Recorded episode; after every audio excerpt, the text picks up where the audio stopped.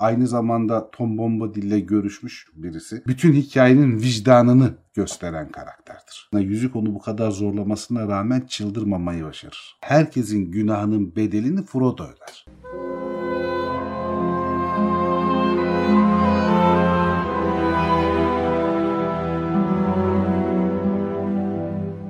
Dırıt. Dırıt. Dıttırırırı. Yapamıyorsun. Olmadı. Bence yapamadı. Ben bence güzel söylerim de şu an hazırlıksız yakalandım. Bir anda gaza geldim aslında böyle bir planım yoktu. Ya aslında bu bölüm ne değil mi? Yani bütün hikayenin başrolü. evet bütün Buyurun. hikayenin başrolü. Zafer abi merhaba. Merhaba Dilek. Biraz sonra merhaba dedik Zafer abi aramızda sohbet edip ama. Zafer abi garibim de orada bakıyor. evet bize bakıyor.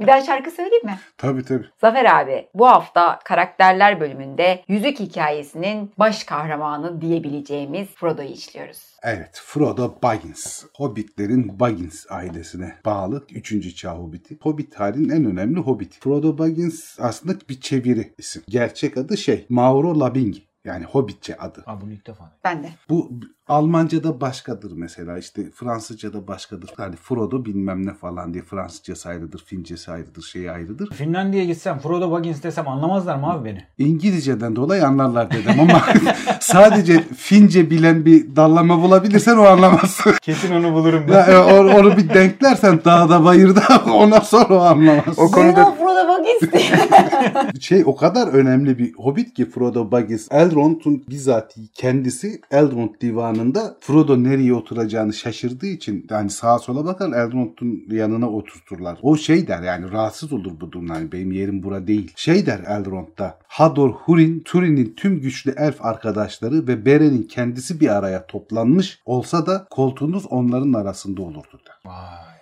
Yani Frodo daha yani yüzük görevini tamamlamadan bile çok değer atfedilen çok önemli bir hobbittir. Aslında yani bildiği için mi Elrond onu oraya oturtturuyor yani? Ya Bilbo'nun yeğeni Nazgüllerden kaçarak Ayrık Vadi'ye ulaşabilmiş birisi. Yüzük sorumluluğunu çok kısa sürede olsa almış Alabilmiş. ve başarabilmiş birisi. Aynı zamanda Tom Bombadil'le görüşmüş. Höyüklü tepelerden kurtulmuş birisi. O bakımdan zaten çok yani enteresan bir güce erke sahip olduğu, enteresan bir hobbit olduğu kesin yani. Ya Zafer abi şeyi anlatsana biraz. Bu hani yüzüğü alıp direkt Ayrık Vadi'ye gidiyor gibi gözüküyor ama o Değil. yüzüğü alıp 30 saniye taşımak bile aslında çok, Çok büyük bir büyük bir zorluk. şey. Yani filmde o hani çok verilemese de zaman ve birçok Evet, hikaye çok- anlatma mecburiyeti olduğundan zaten sadece onu avucunda tutup 10 saniye durup delirebilecek düzeyde Tabii. canlılar var orada Tabii dünyada. yani işte insan soyu olanlar çok kısa sürede Nazgullere dönüşüyorlar ki bunlar da hepsi kendince soylu yönetici tabakadan kişiler olmasına rağmen. Yani daha iyi eğitimli, daha iyi yaşam şartlarına sahip olmalarına rağmen yüzük insan soyunu patlanak bozuyor. Aynen. Boromir yüzüğe hiç değmemiş olmamasına rağmen bozuluyor ki Boromir hani çok değerli bir karakter olmasına rağmen. Gandalf dokunmak bile istemiyor. Tabii yani Gandalf bile bozacağından korkuyor yüzüğü. O bakımdan yani Frodo hakikaten değerli bir şahsiyettir. Bir yetim aynı zamanda öksüz ve yetim. Babası Drogo Baggins, annesi de Premier Brandybuck. Bu Brandybuck'larla Baggins'ler Hobbitler için çok önemli, çok değerli bir soy. İkisi de yönetici Tuklarla beraber yönetici soy. Hobbit yerleşimleri, Hobbitlerin hiyerarşisi falan diye Hobbitler üzerine bir program yaptığımızda ayrı ayrı bahsederiz. Arkadaşların bilmesi gereken durum şu. Frodo da Bilbo da Hobbitlerin soylu asil ailelerinin çocuklar. Üçüncü çağ 2968'de doğuyor. 12 yaşında Shire takvimine göre 1380'de annesiyle babası bir tekne gezisi sırasında düşüp boğuluyorlar. Zaten hobbitlerin suyla arası pek yoktur. Kitapta da geçer yani. Sudan uzak dururlar. Pek tekneye mekneye de binmezler. Kayıklardan falan da korkarlar. Hatta deli gözüyle bakarlar. Bu Baggins'lere falan kayıklara biniyorlar falan diye. Annesi babası boğuluyor. O zaman da dedesinin yanına gidiyor. Shire takviminden çeviri yapmak için arkadaşlara bir kolaylık şey yapayım. 1600 yıl eklerlerse Şair takvimine Orta Dünya takvimine dahil olurlar. Çünkü 1600 yılında Şair takvimi başlamıştır bir diye. Doğal olarak 1600 yıl ekledin mi normal takvimine dönmüş olursun. İşte annesinin babasının ölümünden sonra dedesinin yanında Brandy konağında kalıyor. Çok yaramaz, çok akıllı ama haşarı bir çocuk. Hatta şey hikayesi vardı işte çiftçi tırtılın mantarlarına dadandığı hikayesi filmde de vardı arkadaşlar. Evet. O cidden öyledir. Gidip gidip mantar çalıp yer. Sonunda çiftçi tırtıl zaten şeydir hani böyle ters bir hobbittir, sert bir hobbittir falan. Şey yapar köpeklerin de onu böyle nefessiz kalana neredeyse baylana kadar kovalattırır. Ve o yüzden de Frodo çiftçi tırtılın yanına geldiğinde şerden ayrılmak üzere yola çıktığında çiftçi tırtıl onu tanıyacak diye şapkasını yani Evet. şey ya eğilir saklanmaya falan çalışır. O da şey seni tanıdım Baggins'ler. Frodo benim az mantarlarımı çalıp yemedin sen falan der. Takılır orada da o, o zamanki hikayeye göndermedir. Birkaç yıl orada kaldıktan sonra çok da yaramaz haşarı falan. Bir şekilde uzaktan amcası olduğunu varsayabiliriz. Yani direkt amcası değil ama bir kuşak öteden amcası olan Bilbo Baggins o da evlenmemiş çocuksuz bir hobbittir. O yeğenini yanına alır ve çıkın çıkmazına yerleşirler. Çıkın çıkmazı efsane bir evdir ve çok çok değerli bir vadide ve çok büyük bir hobbit evidir. Birçok odası olan çok konforlu rahat bir hobbit için konak villa öyle bir ev. Orada Bilbo ile çok iyi aynı zamanda arkadaş olurlar. Bilbo bunun eğitimini çok ciddiye alır. Genelde hobbitler okuma yazma falan pek bilmezler. Bunlarla uğraşmazlar. Ama Bilbo okuma yazma öğretir. Elfçe öğretir bildiklerini. Çok iyi bir eğitim verir ama aynı zamanda onun bu gençliğinin tadını çıkarması, arkadaşlarıyla gezmesi, oynaması bilmem neye de izin verdiği için özgür ve mutlu bir hobbit olarak büyümeye devam eder. Amcasını da babası kadar sever. Tıpkı Bilbo'nun Frodo'yu evladı gibi sevmesi gibi. Haberdardır o sırada da aslında amcasında bir yüzük olduğundan ve bu yüzüğün böyle görünmezlik gibi hikayeleri olduğundan falan ama çok da kafasına takmaz bunu hani. Nereden biliyor? Çünkü arada Bilbo Lobelia. Baggins gibi akrabaları gelip bunu rahatsız edeceği zaman yüzüğü takıp görünmez oluyor öyle kurtarıyor.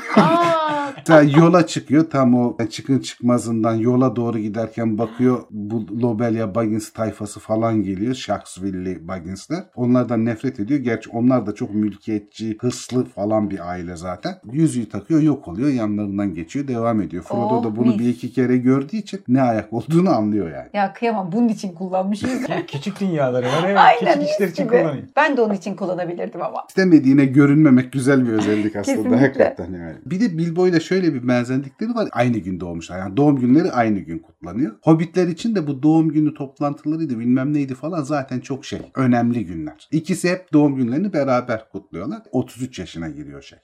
e, Frodo. Bilbo'nun da 111. yaş günü. 33 yaşın şöyle bir önemi var Hobbit hayatında. Artık tam ergenliğini tamamlamış adam ya da kadın olmuş Hobbit yaşı diye kabul edilen. Erişkinliğe ulaşıyor. Erişkinliğe ulaşılan yer. İşte o bildiğimiz büyük davet diye geçer kitapta da. Bilbo'nun son anda şölen ağacının altında yüzüğü takıp topukladığı ve Ayrık Vadi'ye doğru yola çıkacağı şey. İşte Bilbo'yla Gandalf arkadaş olduğu için Gandalf evlerini ara ara ziyarete geldiğinde Frodo'yla da muhabbetleri var Gandalf'ın. İşte amcası gidince Gandalf yüzüğün tabi tek yüzük olduğunu bilmez. Ama yüzüğün bir tehlike arz ettiğini bilgisiyle, arifliğiyle bilir. Ne olduğunu anlamak için zaman ister. Filmde bu çok kısa bir sürede geçilir. Filmler ve kitaplar arasındaki farklardan Farklar. bundan bahsetmiştim. Ben reklamcı oldum ya. Kesinlikle. 50 yaşımdan sonra beni neler ettiniz? Zafer abi yüzük seni bozdu ya. Yüzük beni Müzik burada ben mi oluyorum? Aynen. Yüzüğün iradi gücüne Teslim ol. dayanamıyorsun, teslim oluyorsun. Buraya da şeyi koyarsın. Kapağı koyarsın direkt artık. Tabii o, o iş bende. Rahat ol patron. Patron bozdu bizi.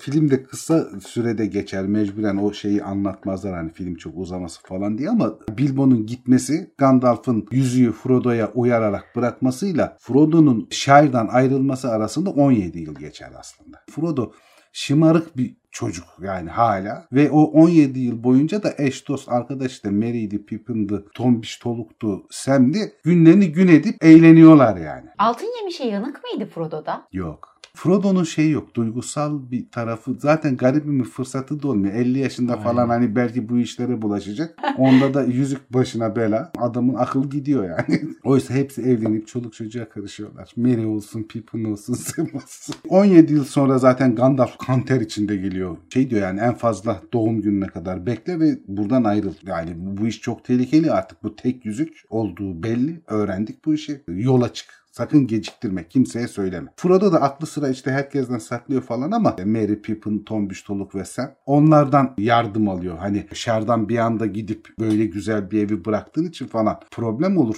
Uyanır millet dedikodusu olur yayılır. Bireye'ye kadar gelir. Bireye'den de işte güneyli insanlardı, diğer casuslardı falan haber verirler. Adın çok duyulur. Adını değiştir. Tepe dibini kullan. Underhill, Bay Underhill adını kullan. Bireye'ye gel. Orada benle buluşacaksın zaten der Gandalf ayrılır. Bunlar ayrılır ama aslında diğer bütün arkadaşlarının yüzükten de haberleri vardır. Frodo'nun yaptığı plandan da haberleri vardır ve onunla beraber Tombuş Toluk hariç gideceklerdir. Beraber şey yaparlar, ayrılırlar. Frodo'nun hayatında çok önemli bir bölüme denk geldiğinde Nazgül karşılaşmasıdır. Nazgül'le karşılaşınca o dehşeti, yüzüğü kullanma isteğini, yüzüğü takma isteğini falan hisseder. Yüzüğün ağırlığını çok ciddi bir şekilde hissettiği ilk an Nazgül'den saklandıkları zamandır. Ondan sonra yollarını değiştirip şeye sapmaları, Tom Bombadil'e, eski ormana geçmeleri. Orada Tom Bombadil'den evvel Söğüt adamın bunları yutması, Tom Bombadil'in bunları kurtarması, Altın Yemiş Hanım'la tanışmaları, Tom Bombadil'in eşiyle tanışmaları, tek yüzüğün Tom Bombadil'i etkilemediği. Frodo yüzüğü takıyor diyor ki sen o yüzüğü taksan da görürüm, takmasan da görürüm. Orada çok önemli iki rüya görür Tom Bombadil'in evinde. Çünkü orası kurtarılmış topraklardır. Değişik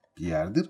Tom Bombadil de zaten Orta Dünya'da rastlayabileceğin en değişik şeylerden birisi. Hem güç olarak hem yaptırımlar olarak hem hayat tarzı olarak. Yani çocuk gibi bir adam çok neşeli bilmem ne falan ama bütün o kendi bölgesindeki her şeye dağa, taşa, ağaca her şeye hükmediyor. Öyle de bir gücü var. Yani garip bir canlı Tom Bombadil. Oradaki ilk rüyasında Gandalf'ın tutuklu kaldığını görür. Zaten Elrond divanında da Gandalf'a bu rüyasından bahseder. Bilbo işte yüzüğün belki yetisiyle belki de burayı tırnak içinde söylüyorum bu çok detay bir incelemenin sonucunda konuşabileceğimiz bir şey. Bundan şimdilik kaydıyla bahsetmeyeceğim. Frodo'nun Baggins soyunun Tuklarla birleştiği alanda muhtemelen bir elf kanının karışmış olabileceği ihtimali vardır. Hmm. Yorum yani bu Tolkien'in kendisinin söylediği yazdığı şeyler falan değil. Birçok basamaktan süzülerek olasılıklar tartışılarak ulaşılabilecek bir sonuçta demeyeyim de olasılık. Olabilir mi abi sence? Kimi açılardan tutarlı gözüküyor ama yani ben şey olarak bir hobbit olarak kalmasını Tercih gönül olarak tercih ediyorum. Çok önemli ikinci bir rüya görür. Yağmurlar altında Tom Bombadil'in evinde uyarken bir flüt sesi duyar. O ses onu çok canlandırır ve peşinden gitmesini hissettirir. Burada şöyle bir gönderme görürüz Tolkien'de. Fareli köyün kavalcısı gibi müziğin sesine koşulsuz itaat etme zorunluluğu. Ama oradaki asıl gönderme şeydir. Flütçülerin flütçüsü Tinfat Warble vardır kayıp öykülerde. O çok önemli bir şeydir. Valinor'da yaşayan çok önemli bir canlı, değişik bir canlıdır. Onu bitmemiş öyküler zamanına geldiğimizde yani Tolkien'in bu işi yani Orta Dünya hikayesini İngiltere mitolojisine dönüştürme çabasının olduğu zamanlara dair hikayelere geldiğimizde ondan bahsedebiliriz. Ama hani bana onu hatırlatır. Tingol Wahbre'yi hatırlatıyor ve muhtemelen o batıya doğru yol aldığını görür. Yani sonuçta bu Orta Dünya'dan kopacağını aslında o sırada öngörebilmiştir. Rüyayı ne kadar çok kullanıyor Tolkien'de? Tolkien kendisi rüyalardan çok yararlanıyor. Adam yani çocukluğundan beri sabit rüyaları falan var yani. Hani bunun belki araştırılıp bilimsel olarak bir yere bağlanmışlığı vardır. Ben hiç o tarafa bakmadım. Ama hani böyle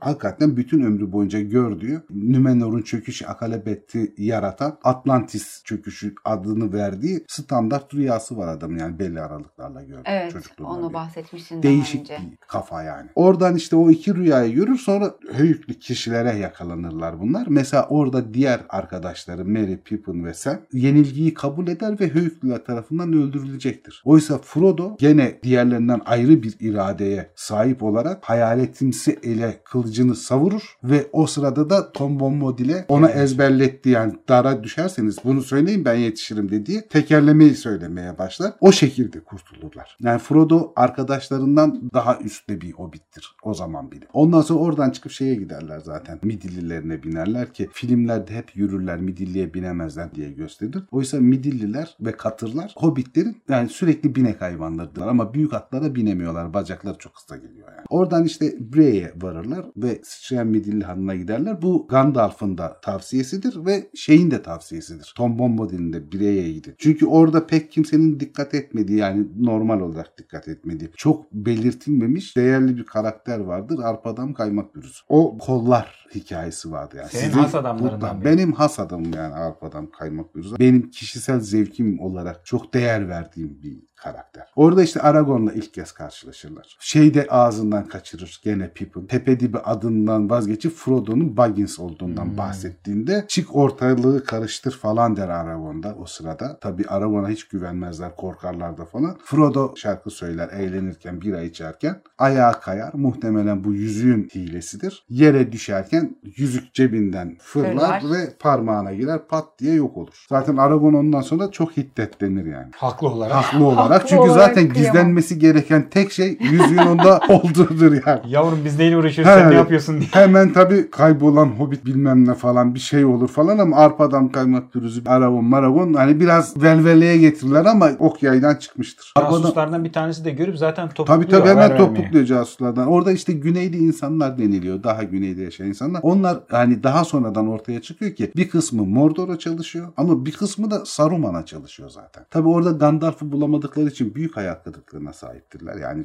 çok bozulurlar. Gandalf'ı bekleyelim beklemeyelim durumu olur. Aragon kolcudur hani çok güven telkin etmez. Arbadan kaymak pürüzü de yani bunlar kolculardır ne yaptıkları belli olmaz falan diye anlatınca çok tedirgin olurlar. Ama Frodo gene orada Aragon'daki ışığı görür. Onun güvenilebileceğini düşünür. Filmde aslında bu tarafı çok fazla verilmemiş Verilmiyor. Frodo'nun. Yani Frodo hep biraz silik kalan Ya Frodo sonuçta arasında. kaybettiği hikayesi var ya. Yani sonuçta iradesi yüzüğü Evet. atmaya yetmedi. Hani çok düz mantıkla bakarsan Frodo kahraman olarak görevini yerine Ne getiremedi. getirememiş.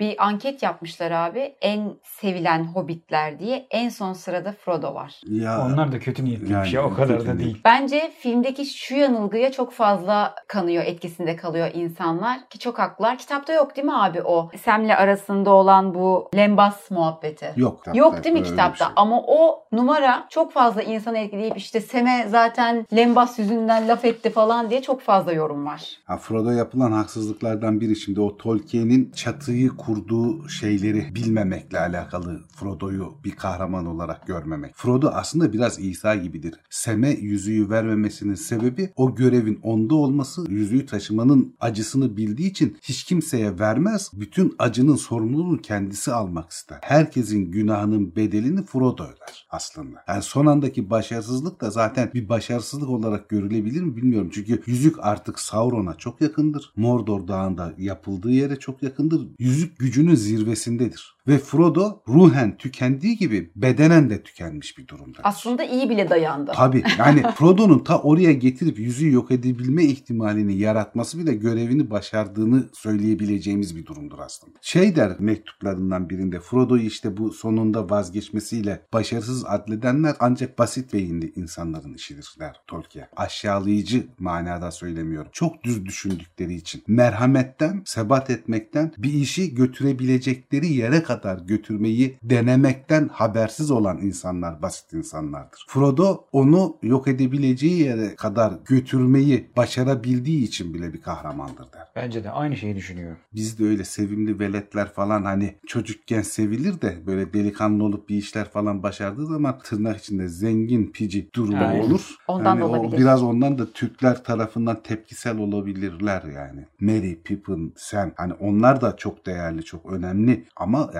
Frodo'nun çektiği acıyı bu acıyı çekerken Gollum'a bile vicdanlı davranması, onu dönüştürmeye çalışması, ona iyilik etmesi bile onun aslında çok daha büyük bir güce sahip olduğunu gösterir. Aragon'un planı Kaymak Pürüzü'nün yardımıyla Nazgûl saldırısından Şiamidili'de kurtulurlar ve yola çıkarlar. E, Ayrık Vadi'ye doğru. Aragon liderleridir. Aragon'un da Gandalf'ın bırakıp da Arpadam'ın Frodo'ya göndermeyi unuttuğu mektupta ortaya çıkınca Aragon'a mutlak şekilde güvenilebileceğini de öğrendikleri için içleri rahatlamış olur. Beraber yola çıkarlar. Ve o yola çıkarken çok önemli bir hikaye Amonhen'de işte Nazgûl tarafından yaralanması ve ondan evvel de krallığın tahtına oturarak şey yapması. Bir öngörüyü tekrar görmesi. Bir de şeyi fark eder. Daha önceden rüya mı değil mi çok bilmez. Muhtemelen öngörü olarak görür onu. Gandalf'ın işte Amonhen tepesinde iki ya da üç gece evvel Nazgüllerle yıldırımlarla savaşmasını da görür. Zaman geçtikçe de bu vizyonu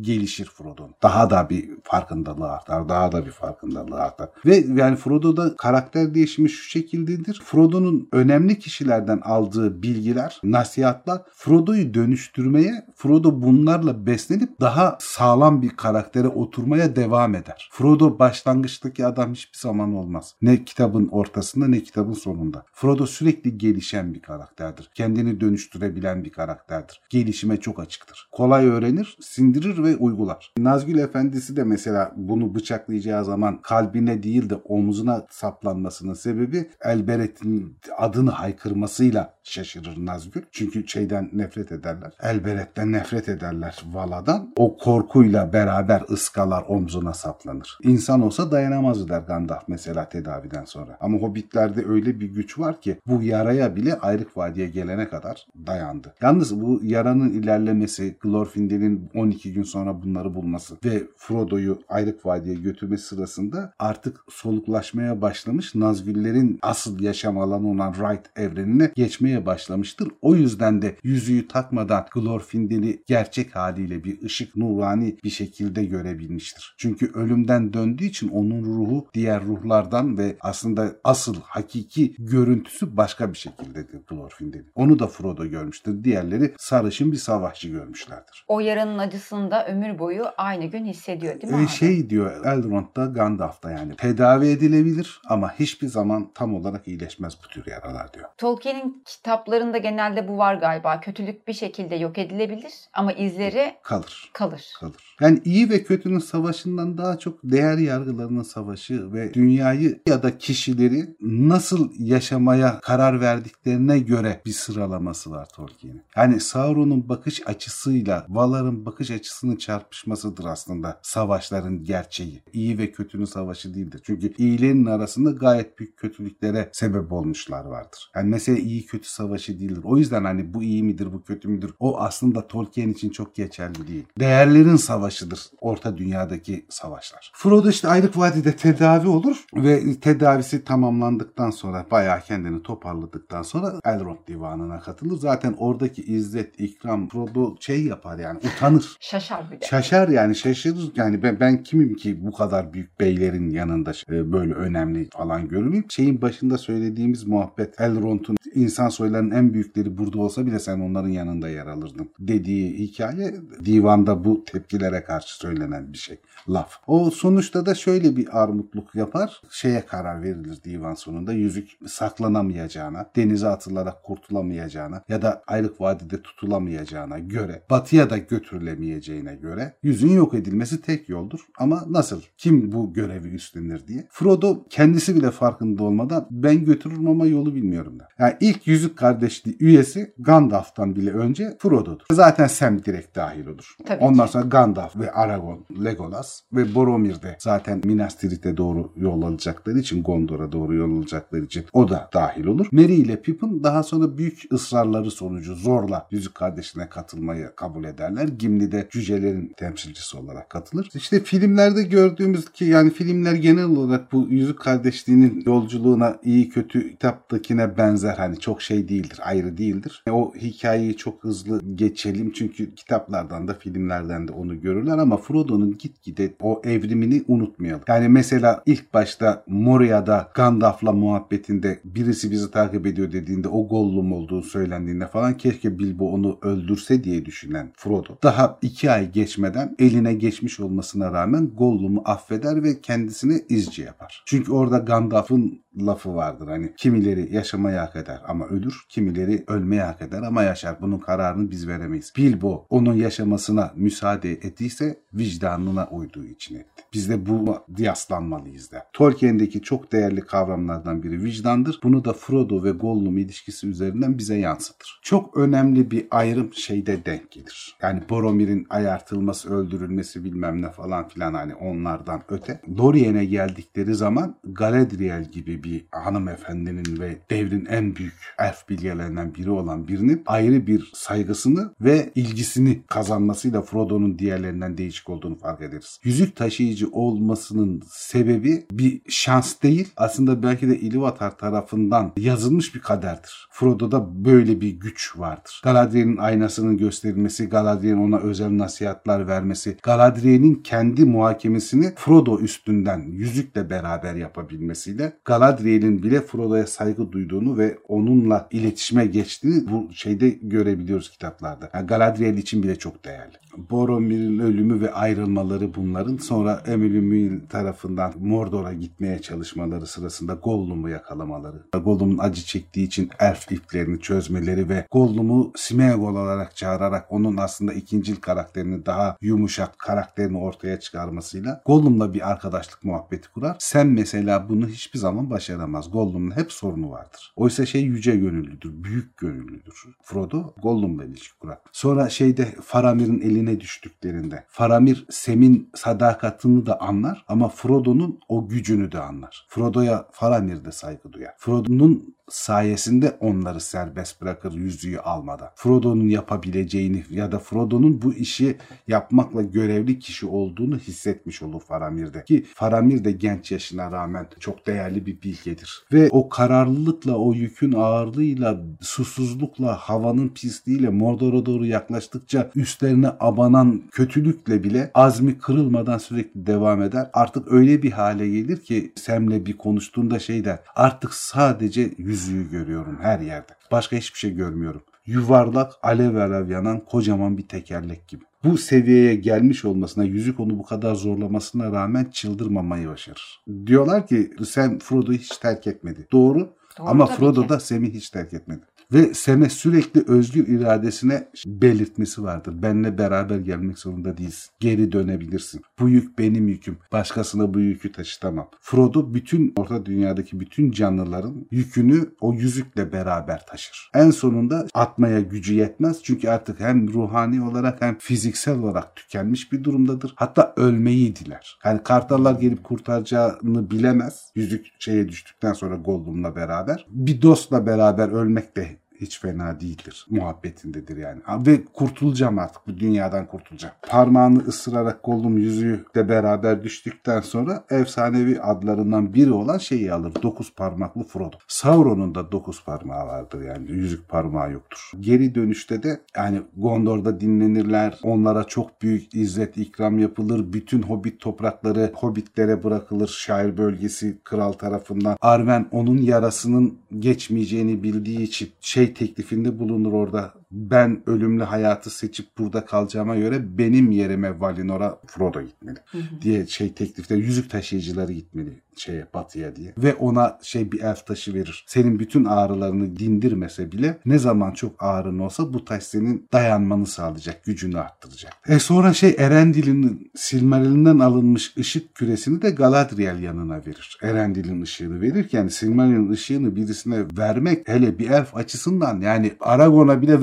vermezdi muhtemelen. Damadına bile vermezdi o ışığı yani. Öyle bir şey farkındalık yayar çevresine Frodo. E geri döndüğünde şair temizliği. Saruman'ı kendisini bıçaklayacakken bile son anda kurtulup gene de affetmesi. Orada da Saruman'a karşı bir vicdan göstermesi ki sadece kendisine yapılan saldırıdan dolayı değil. Ork ocaklarıyla dolmuş, hobbitlerin iyilerinin neredeyse tamamı işkenceden geçmiş, köle gibi çalıştırılmış, şölen ağacı kesilmiş. Yani şairdi, şair yapan her şey yok edilmiş ve bunun sebebi olarak Saruman olmasına rağmen Saruman'ı da affeder ama Grima Solucan tarafından öldürülür. Yoksa Frodo okçulara durun der öldürmeyi. Hatta Grima'yı da oklayacaklarken durun der ama yetişemez. Yani okçular daha hızlı davranıp Grima Solucan diye öldürürler. Yani Frodo aslında bir şekilde bütün hikayenin vicdanını gösteren karakterdir. Çok güzel bir lafı var. Frodo'nun olayları açıklayan bir lafı var. Hani şaira döneceğiz efendim. Şaira gideceğiz falan hikayesinde. Ben şaire döndüğümde bile artık şair, şair olmayacaklar. Çünkü ben artık oradan ayrılan kişi değilim. Frodo bir yıllık hikayede neredeyse yani yüzlerce yıllık bir evrimi tamamlamış bir hobbittir. Artık orta dünyaya ait değildir. Biraz da o yüzden batıya gider. Burada batıya gittiğinde ne oluyor ne olmuyor bilmem ne hikayeleri biraz çapraşıktır. Ama muhtemelen Bilbo ile beraber batıya gittiğinde ölümsüzlüğe gitmiyorlar. Sadece acılarından arınmaya gidiyorlar. Ona rağmen batıya gitmekten bir mutluluk duyar. Ama neredeyse bir şeydir artık. Duygusuz bir hale de gelmiştir. O batıya gitmenin coşkunluğunu bile yaşayamaz. O vakurluk, metanet durumu her zaman vardır. Bir Sem'den ayrılırken çok büyük üzüntü duyar. Artık şairden ayrılırken bile bir üzüntü duymaz ki şaire bütün o bitler gibi kendisi de aşıktır. Abi bu bölümden sonra beni ikna ettin. Bak ürün yerleştirme yapıyorum.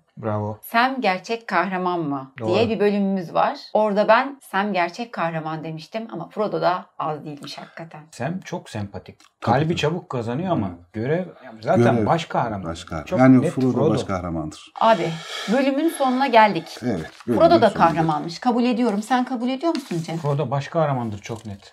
Sam de az değil yalnız. Dediğim gibi yani aslında baş kahraman diye bir şey olmaz Tolkien'de. Bütün hepsi Abi tamam kahramandır. tamam. Bütün hepsi kahramandır. Hepsi iyi de olabilir. Hepsi kötü de olabilir. Tamam abi sen haklısın. İknaya olduk yani tamam. Bölümü kapatalım. Hatta bir Kapatalım. de şey yapalım abi yani bu bir ara Frodo'yu böyle hani filmin dışında o çok önemli başat özellikleriyle bir belki Frodo 2 soruyorum tarzı bir video bence hak ediyor Frodo. Evet yani Frodo'yu daha didik diyebiliriz Frodo. Çünkü yani şeydir katmanlı bir yapıdır Frodo'nun. Ve ben şeyi çok Şey. önemsiyorum abi. Senin bu yaklaşım ben çünkü daha önce hiç duymamıştım. Döndüğünde bir nihilisttir Evet. dediğin bir video vardı. Onu ben çok o yaklaşımı çok önemli buluyorum. Yani karakterin dönüşümü, karakterin vardığı noktanın o çok önemli bir çıkarım. Bu çıkarımı yapan herhangi bir yabancı kaynak bile görmemiştim. Benim- yani Legendarium o yüzden çok önemli bir kanal. Kanalımıza abone olun. Beğenilerinizi lütfen eksik etmeyin. Yorumlarda da aynı zamanda buluşalım. Boss'un hoşuna gidecek hareketler bunlar. Evet. Abi sen ne diyorsun? Yani izleyen herkese teşekkürler. Zafer abi Legendarium Türkiye'nin gerçek kahramanıdır. evet kesinlikle. Görüşürüz abi. Estağfurullah. Görüşürüz patron. Görüşürüz Dilek. Görüşürüz.